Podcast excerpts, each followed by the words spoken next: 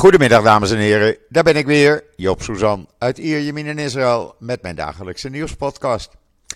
Zondag, de eerste werkdag van de nieuwe week. Eh, laten we eerst maar met het weer beginnen. Eh, ja, het is 3 graden koeler. Kan je het voorstellen? We hadden verleden week, of gisteren nog, eh, 41, 42 graden. Het schommelt nu rond de 37, 38 graden. En eh, ja, je merkt het niet echt, moet ik zeggen. Het is nog net zo heet. En mijn hondje wil nog steeds niet de straat op. Die vindt het eh, overdag toch het lekkerste in de tuin. Nou ja, dan eh, doen we dat natuurlijk. Eh, het is gewoon, ja, drukkend. Drukkend wil ik niet zeggen. Het is zwaar. Het is zware lucht. Vanwege de vochtigheid, want die zit royaal boven de 60% op dit moment. Maar goed, eh men zegt het is min of meer normaal voor de tijd van het jaar. En dat is ook wel zo, want altijd hebben we eind juli, de eerste twee weken van augustus, eh, behoorlijk heet. En het wordt eind van de week nog heter. Dan gaan we weer boven de 40 graden uitreiken. Dus eh, we kunnen er nog even tegenaan. De airco moet nog even zijn werk blijven doen. Ja, en dan, eh, wat hebben we voor nieuws? Ja, een heleboel nieuws eigenlijk. Maar laat ik eerst beginnen met israelnieuws.nl. Jullie hebben natuurlijk allemaal het meeste werk van mijn eh, jongste broertje Simon eh, gelezen. Eh, zo niet, ik zou zeggen, doe dat even. Gladjanus heet het. En er is geen woord aan gelogen, echt niet. Het is gebaseerd op waar gebeurde feiten en dingen die nog steeds gebeuren. Het is echt een aanrader. En dan heeft Israel Aircraft Industry vanmorgen vanuit India een nieuwe observatiesatelliet de ruimte in eh, geschoten. En die is inmiddels in een baan om de aarde. Nou, dat eh, is weer eh, voorzien van allerlaatste snufjes die Israel Aircraft Industry heeft ontwikkeld. En daar kan de IDF zijn, ja, zijn voordeel mee doen, laten we het zo maar zeggen. En dan hebben IDF en Shin Bet de afgelopen avond, zaterdagavond, terwijl overal demonstraties waren, zijn zij negen terreurverdachten gaan arresteren. De video daarvan in Israël Nieuws. Waar je ook kan lezen dat op dit moment honderden ijshockeyers Israël zijn binnengekomen. En dan ga je vragen, ijshockey in de zomer in Israël? Jawel. We hebben hier eh, een fantastische ijshockeybaan en daar komen ze graag even trainen en eh, ja, een showtje geven, laten we het zo maar zeggen. Eh, en ijshockey is behoorlijk populair in Israël. Lees het even op israelnieuws.nl. Dan ben je daar ook weer van op de hoogte. Ja, en dan gisteravond, als iedereen dacht van, nou ja, die wet is aangenomen, dus uh, er zal wel niet meer gedemonstreerd worden. Gisteravond werd er door heel Israël voor de dertigste week gedemonstreerd. 30 weken blijft men opkomen. En het aantal demonstranten over, uh, in heel Israël lag net iets onder de 400.000. Uh, in Tel Aviv alleen al 170.000. Kan je je voorstellen? Na 30 weken nog steeds. Men is het gewoon zat. Men zegt ook, de schade die wordt aangericht, ja, die is gewoon enorm. Dat zei ook uh, de voormalige gouverneur van de Bank of uh, Israël, meneer Frenkel. En die heeft echt een hele goede job in zijn tijd gedaan. Die zegt de overheid moet in, uh, tot bezinning komen. Want de nadelen die we gaan ondervinden van deze nieuwe wet, economisch gezien, zijn veel groter als dat men zich realiseert. Uh, investeerders uh, trekken hun geld weg. Investeerders komen niet meer naar start-ups. Uh, high-tech bedrijven vertrekken naar het buitenland. Start-ups kunnen geen financiers meer krijgen. Die gaan dan ook naar het buitenland. de schade economisch gezien ik denk dat uh, Netanyahu en zijn club het niet eens realiseert. Want de minister van Financiën, ach, ik ben al blij als de man tot drie kan tellen. Want economie heeft hij nooit gestudeerd. Dat is een ding wat zeker is. En om dan te gaan zeggen ach, het valt wel mee, want als de stof is neergedaald, komt iedereen weer tot bezinning. Nou, dat blijkt dus uit gisteravond. Na 30 weken nog steeds honderdduizenden demonstranten. En ik zag het ook bij mij. Ja, het was iets minder als gisteren, als verleden week. Maar ja, dat ging om een paar duizend mensen misschien. Maar voor de rest, het was weer hartstikke vol. En ik moet je zeggen, eh, ik heb niet de hele rit uitgezeten. Dat eh, zeg ik er eerlijk bij, want het was 36 graden. Eh, luchtvochtigheid van 72 procent. Zelfs als je stil stond en een beetje uit de drukte, liep nog het zweet in straaltjes over je rug. Dus uh, nee, na een uurtje had ik het wel gezien. Maar ik ben toch geweest. Ik heb toch mijn uh, plicht weer gedaan, zoals ze dat noemen. Ja, wat zei meneer Frenkel dan, uh, de vroegere gouverneur van de Bank of Israël in Tel Aviv? Hij zegt: We hebben nog nooit zo'n waardevernietiging in zo'n korte tijd meegemaakt. Gewoon door overheidsbeleid. Ondanks de belofte om de wetgeving alleen met brede instemming aan te nemen, werd vorige week de eerste wet in de staatsgreep van het regime zonder brede consensus aangenomen. En uh, ja, die schade die daardoor wordt aangericht in de economie, die is bijna niet te overzien. En dan kan Netanyahu, zegt Frenkel, in uh, Amerikaanse media de afgelopen dagen allerlei PR uh, uh, interviews geven met verhalen die hij hier niet vertelt. Maar daar wel, want ja, daar kunnen ze toch niet controleren. Ja, dat gaat niet werken. Dat gaat echt niet werken. En dan komen in september. Uh, gaan die rechters bij elkaar zitten van het Hoge Rechtshof. Nou, ik moet nog maar zien of ze. Uh, of ze er iets tegen gaan doen. Ik heb er niet zoveel vertrouwen in, eerlijk gezegd. En als je nou nagaat, uh, nee, daar kom ik zo meteen op. Daar kom ik zo meteen, want ik ben er voorlopig nog niet over uitgekletst namelijk. Want er is zoveel over te zeggen. Maar gisteravond, ja, het mag niet in Israël. Maar uh, politieagenten mogen ook geen arrestanten in elkaar slaan. Dat hebben ze ook gedaan verleden week, afgelopen maandagavond. Uh, wat hebben studenten gedaan? Die hebben gezichten van een aantal politieagenten op billboards uh, rondgedragen. Ja, het mag niet, ik weet het. Maar ja, je mag ook geen arrestanten in in elkaar, slaan. En als agenten niet worden vervolgd, ondanks dat filmpjes en foto's zijn ingediend, ja, dan houdt het op. Ik kan me dan voorstellen dat jongeren dan zeggen van luister, we gaan, we gaan daar iets tegen doen. En dat hebben ze dus ook gedaan. En ondertussen, uh, toen iedereen vanmorgen opstond, nou ja, dan werd je gelijk weer pisnijdig. En waarom werd je pisnijdig? Nou, heel simpel.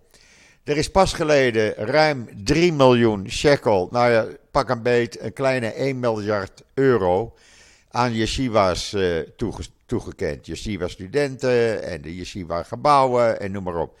Moet je nagaan, bijna 1 miljard. Maar dat was nog niet genoeg voor de heren. Uh, en ze krijgen nog eens een keer 164 miljoen shekel, oftewel 40 miljoen shekel. En waar halen ze dat dan vandaan, dat geld, de overheid? Nou, dat gaat gewoon uit budgets van uh, andere ministeries. Dat betekent, er zijn zo'n 600.000 gezinnen hier die amper één maaltijd per dag kunnen krijgen.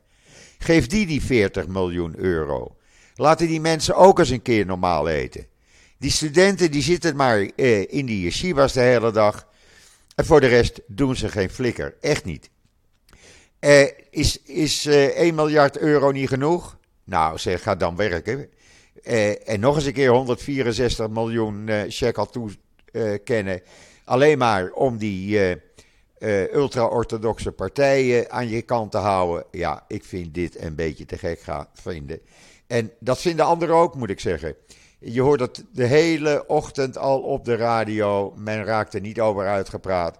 Hoe net en jou dat nou weer in zijn hoofd haalt. Ja, die Smotrich die, uh, die knikt wel, want die begrijpt er verder toch niks van. Uh, dus ja, uh, dat gaat nog een relletje krijgen. Echt, want normaal gesproken kregen die arme mensen kregen een uitkering zodat ze toch een beetje behoorlijk eten konden kopen. Dat zit er nu helemaal niet bij. Dat gaat allemaal naar die yeshivas toe. Ja, dan krijg je rottigheid in het land. Dan raken die demonstraties eh, niet over. Dan blijft dat doorgaan. En dat kon je gisteravond ook horen op die demonstraties. Over wie ging het? Over Netanyahu, over Ben-Gvir, over Smotrich, over de leiders van de ultra-orthodoxe partijen. Ja, die zijn de gebeten hond, maar dat doen ze dan zelf. En dan, uh, ja, dan hebben we ook nog uh, uh, de Likud. De Likud ontkent aan alle kanten dat er rebellen zijn binnen hun partij. Nou, de Hebreeuwse Ynet heeft gisteren zeven foto's gepubliceerd van die rebellen, rebellen. Die hoor je namelijk ook niet meer. Die hebben één keer een uitspraak gedaan, waaronder minister van Economische Zaken Barkat, minister van Landbouw uh, Dichter, uh, Edelstein, voorzitter van de belangrijke Buitenlandcommissie. Uh, die hebben allemaal gezegd: we moeten naar een brede consensus. En anders moeten we stoppen met verdere wetgeving. Nou, de Likud ontkent dat. Dat is allemaal niet zo. Maar ik vraag me dan af, waarom zijn die mensen opeens monddood gemaakt? Waarom mogen ze niets meer zeggen van de Likud? Want zo is het wel natuurlijk op het ogenblik. Dus daar rommelt het. En dan zegt gisteravond minister Zohar van Cultuur op televisie... Nou, de deur voor Benny Gans is open. Hij wil toch graag in de regering. Kan hij beter bij ons komen dan uh, in, de, in de oppositie. Nou, Benny Gans en Lapid waren heel duidelijk. Die hebben gezegd, luister... Uh, wij komen niet in deze regering, want Netanyahu houdt zich niet aan zijn afspraken. Uh, Zohar had eerder gezegd van. Nee, Galant had eerder gezegd, sorry. Galant had afgelopen vrijdag nog gezegd. Als we nu Benkwier en Smotrich uit de regering gooien, die partijen, dan zijn we daar van die extremisten af. En dan vragen we of Gans en Lapid erbij komen. Nou, ook daar zijn ze niet op ingegaan. Uh, ja, het, het, het blijft rommelen. Het houdt niet op. En dan heb je nu IDF-officieren gekregen die zeggen: luister, door die uh, nieuwe wet die er is, is het heel makkelijk voor het internationaal gerechtshof om ons aan te klagen, want we hebben geen enkele bescherming tegen internationale onderzoeken meer. En dat allemaal dankzij deze wet. En dat wilde de stafchef ook aan Netanyahu meedelen. Uh, Netanyahu wil, of uh, de stafchef wilde afgelopen maandag uh, in de ochtend, voordat die stemming zou plaatsvinden, met Netanyahu een gesprek. Netanyahu weigerde dat gesprek. Die wilde gewoon het nare nieuws niet horen. Want die dacht, misschien wordt mijn stem wel beïnvloed. Dat moet ik niet hebben.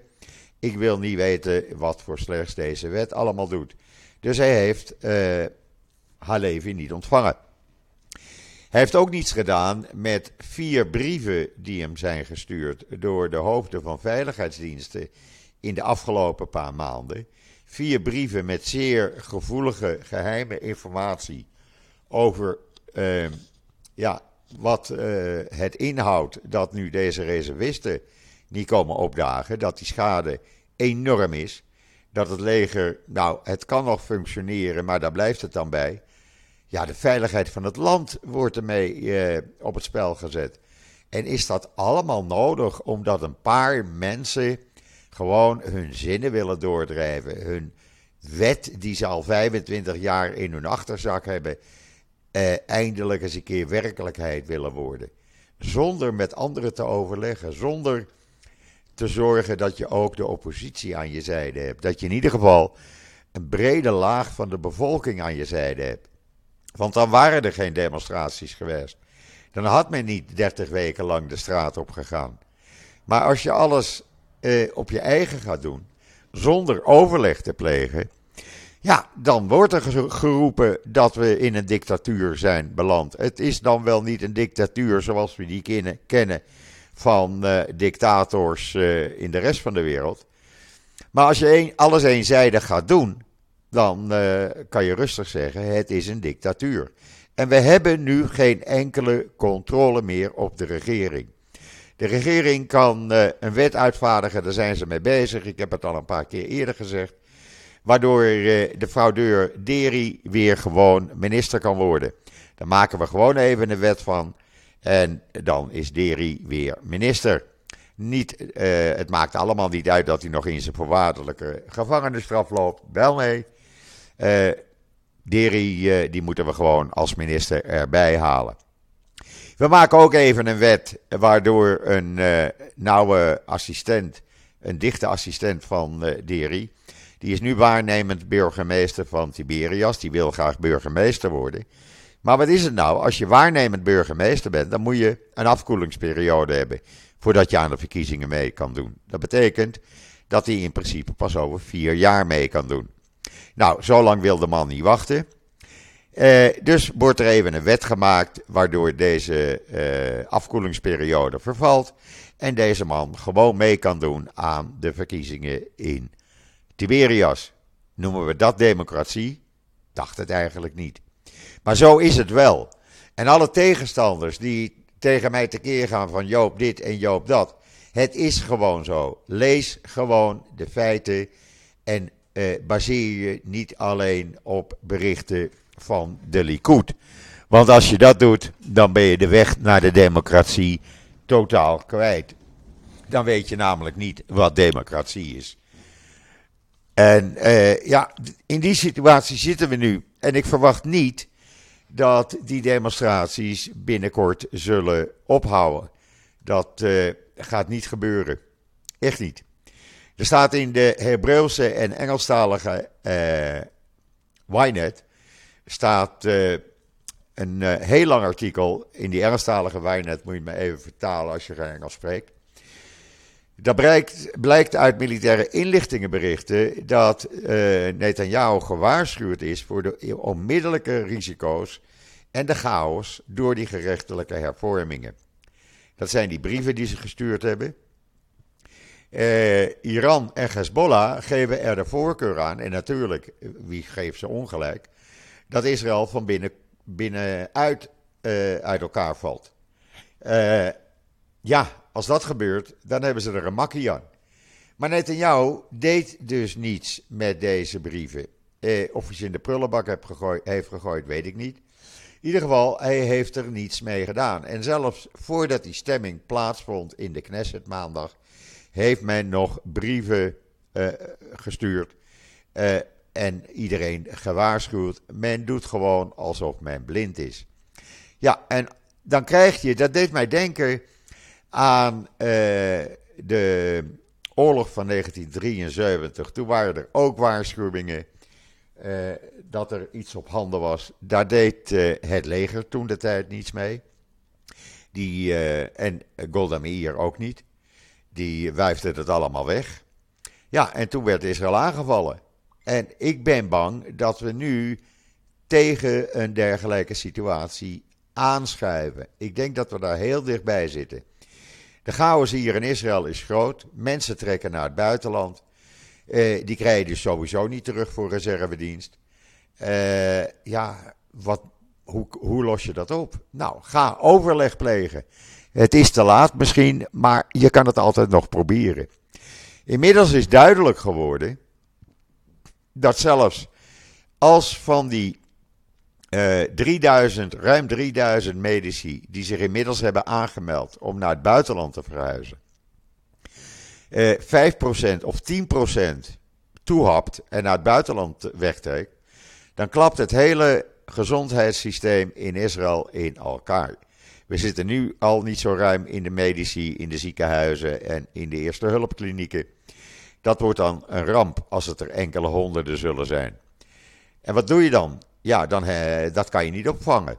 En dat allemaal door deze ene wet, door deze paar mensen die hun zinnen willen doordrijven, wilden doordrijven, zonder overleg te plegen, zonder goed naar de gevolgen te kijken. Gewoon van, nou is het mijn beurt en nou pak ik mijn kans. Nou, en daar zit het hele land dus nu mee met de schade. En de mensen die demonstreren, die realiseren zich dat. Die mensen komen met een vlag. Die mensen komen met hun uh, stoeltje als ze niet zo lang kunnen staan. De mensen komen met hun toeters, met hun t-shirts. En ja, uh, die mensen begrijpen het. Die mensen begrijpen het echt. En er staat een heel goed artikel vanmorgen van de hoofdredactie van de Jeruzalem Post. In de Jeruzalem Post natuurlijk. En eh, dat luidt eigenlijk: het gezondheidssysteem van Israël moet dringend worden gered. Zo niet, dan wacht ons een andere ramp. Nou ja, dat kan er ook nog wel bij. De ene ramp na de andere, want het gaat niet goed, mensen. Het gaat echt niet goed. We hebben nu drie ratingsbureaus die de afgelopen dagen, tussen dinsdag, uh, tussen maandag en vrijdag, hebben gezegd dat door deze wetswijziging de economie van Israël in elkaar gaat klappen. Er wordt geschat dat waar verleden week nog de economische, uh, verleden jaar, sorry, waar verleden jaar de economische stijging uh, eh, 6,5% was, de economische groei, wordt die dit jaar op niet meer dan anderhalf, pro, anderhalf procent geschat. Kan je je voorstellen? Anderhalf procent voor een land als Israël. Dat hebben we in jaren niet meegemaakt. Echt niet. En dat allemaal door zo'n, nou ja, laat ik maar niet zeggen wat ik ervoor wou zeggen, zo'n wet. Door een aantal uh, uh, extreemrechtsen die hun zin willen doordrijven. Dit moet stoppen. Dit moet stoppen, want het land gaat echt, laat ik het maar plat zeggen, het land gaat naar de kloten. Echt waar. Geloof mij, ik ben nooit negatief. Ik probeer altijd positief te zijn. Maar je ziet aan alles hoe het land gewoon naar de kloten gaat. Echt waar. En als jullie mij te negatief vinden, prima. Ik woon hier. Ik spreek met mensen. Ik zie de gevolgen. Ik zie dat de shoppingmall op vrijdag hier, waar normaal geen plek te krijgen is, parkeerplaatsen in overvloed had. En dan kan je wel zeggen, ja, het is vakantietijd. Nou, vergeet dat maar. Dat heeft er niets mee te maken, want elk jaar staat dat het hele jaar 12 maanden per jaar vol op vrijdag. Alleen afgelopen vrijdag niet. Die week daarvoor niet. Men is voorzichtiger. Alles wordt duurder. Straks kun je gewoon, eh, kom je niet meer rond. Er kan niemand meer rondkomen. En wat dan? Dan is er geen geld bij de overheid om mensen te helpen, want dat gaat allemaal naar yeshivas toe. En eh, ja, eh, wat moeten ze dan? Ze hebben nu al minder inkomsten. Maar ja, dat realiseert die meneer Smotrich er ook niet. Dat als er uh, minder verdiend wordt en als bedrijven wegtrekken, dat er dan ook minder inkomsten in het land uh, bij de regering binnenkomen. Daar heeft hij nog nooit van gehoord, namelijk. Want de man, wat deed de man? Ja, de man was allemaal bezig met uh, de heeltopjeugd. Palestijnen aanvallen, landerijen in de fik steken samen met zijn vriendje Ben Gwier. Daar hadden ze lol in. Voor de rest hebben ze nog nooit iets gepresteerd. En nou is hij minister van Financiën. Kom op zeg. Uh, ja, sorry. Dat is net zoals een, uh, uh, zeg maar een, een deserteur tot stafchef benoemen. Dat werkt ook niet. meneer Nasrallah is wel goed op de hoogte van wat er hier gebeurt. Want hij heeft in een verklaring gezegd dat het Midden-Oosten CQ Hezbollah, zal niet rusten totdat het kankergezwel Israël is uh, verplaatst. Ja, dat kan niet lang wachten, want uh, daar beginnen we natuurlijk niet aan. We laten ons niet verplaatsen. Maar hij begrijpt wel dat zijn kansen eraan komen. Er is natuurlijk die rottigheid, die tweespalt nu in de bevolking en die wordt alleen maar groter. En ondertussen gaan de heel topjeugd, de kolonistenjongeren, gewoon door. Die hebben gisteren weer een uh, uh, aantal velden van uh, Palestijnen in de fik gestoken. Want ja, die Palestijnen mogen niks verbouwen van die heel topjeugd. je kan dat zien, een video op Times of Israel. Ik verzin er geen woord aan. En de IDF doet niets. En waarom niet? Nou, heel simpel. Meneer Smotrich is niet alleen minister van Financiën, maar heeft ook bedongen dat hij minister van Defensie is uh, voor de Westbank. Jawel, de man die uh, drie weken op een IDF-kantoor heeft gezeten, er toen uit is gelazerd, een maand in de gevangenis heeft gezeten, die is minister van Defensie voor de Westbank. Hoe verzin je het? Nou ja, Ondertussen is meneer Abbas weer eens uh, op reis. Hij is nu uh, in Egypte, want daar wil hij gesprekken houden om weer tot eenwording te komen met Hamas en Palestijnse Islamic Jihad en de PFLP. Alleen het jammere voor hem is dat bij die gesprekken de Islamic Jihad en de PFLP niet aanwezig zijn. Hamas is wel even om de hoek komen kijken. Maar eh, daar blijft het dan bij. Dus ja, hij zit daar eh, voor Jan eh, met de korte achternaam. Hij laat zich eventjes lekker verwennen in een mooi hotel, lekker eten. Geen gezeur aan zijn hoofd van terreurgroepen. Even weg uit de narigheid. En gelijk heeft hij. ja, en dan brengt mij dat al een beetje tot het einde van deze podcast. Want het gaat hier, geloof mij mensen, in het nieuws over niets anders als die wet en de gevolgen daarvan en de demonstraties. En uh, demonstraties die ook vandaag doorgaan. Men heeft namelijk uh, uh, afgesproken dat men niet meer één keer in de week gaat demonstreren. Overal waar nu een minister van deze regering naartoe gaat, zullen demonstranten aanwezig zijn. Zo gaat er iemand van de extreemrechtse partij vanmiddag naar Zuid-Tel Aviv. Nou, de demonstranten gaan niet naar Max Verstappen kijken, die gaan demonstreren waar deze man is en zorgen dat hij niet eens uh, zijn bestemming kan bereiken. Want hoe haal je het in je hoofd als extreem rechts, uh, rechtsextremist naar Zuid-Tel Aviv te gaan? Dat moet je niet doen dan ben je aan het foute adres. Nou ja, dat zal dan wel blijken, daar komt hij dan wel achter. En uh, ja, het is gewoon één grote puinhoop. En dan krijgen we vandaag natuurlijk weer een kabinetsvergadering waarin Netanyahu gaat verklaren hoe goed het allemaal gaat. En dat het uh, stof uh, binnenkort is neergedwarreld. En dat de rust dan weer is weergekeerd. Nou, neem van mij aan. Ik heb de afgelopen dagen met veel mensen gesproken. En met pijn in het hart hoor ik aan hoe ze plannen maken om weg te gaan. Dus ja, we moeten het afwachten. Ik heb helaas geen positiever nieuws voor jullie. Dit is de realiteit. Er is geen woord aan gelogen. Uh, en ik kan het niet mooier maken, helaas.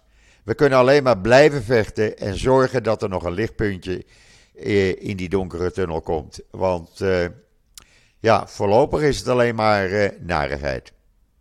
Goed, dat brengt mij tot het einde van deze podcast. Met als enige lichtpuntje vanmiddag, eind van de middag, Max Verstappen. In, uh, in België, in uh, Francorchamps. Nou, laten we daar maar van gaan genieten. Valt er nog iets te genieten, zou ik dan zeggen. Ik wens iedereen een hele fijne voortzetting van deze zondag, de 30ste juli. Morgen ben ik er weer. En ik zeg zoals altijd: tot ziens. Tot morgen.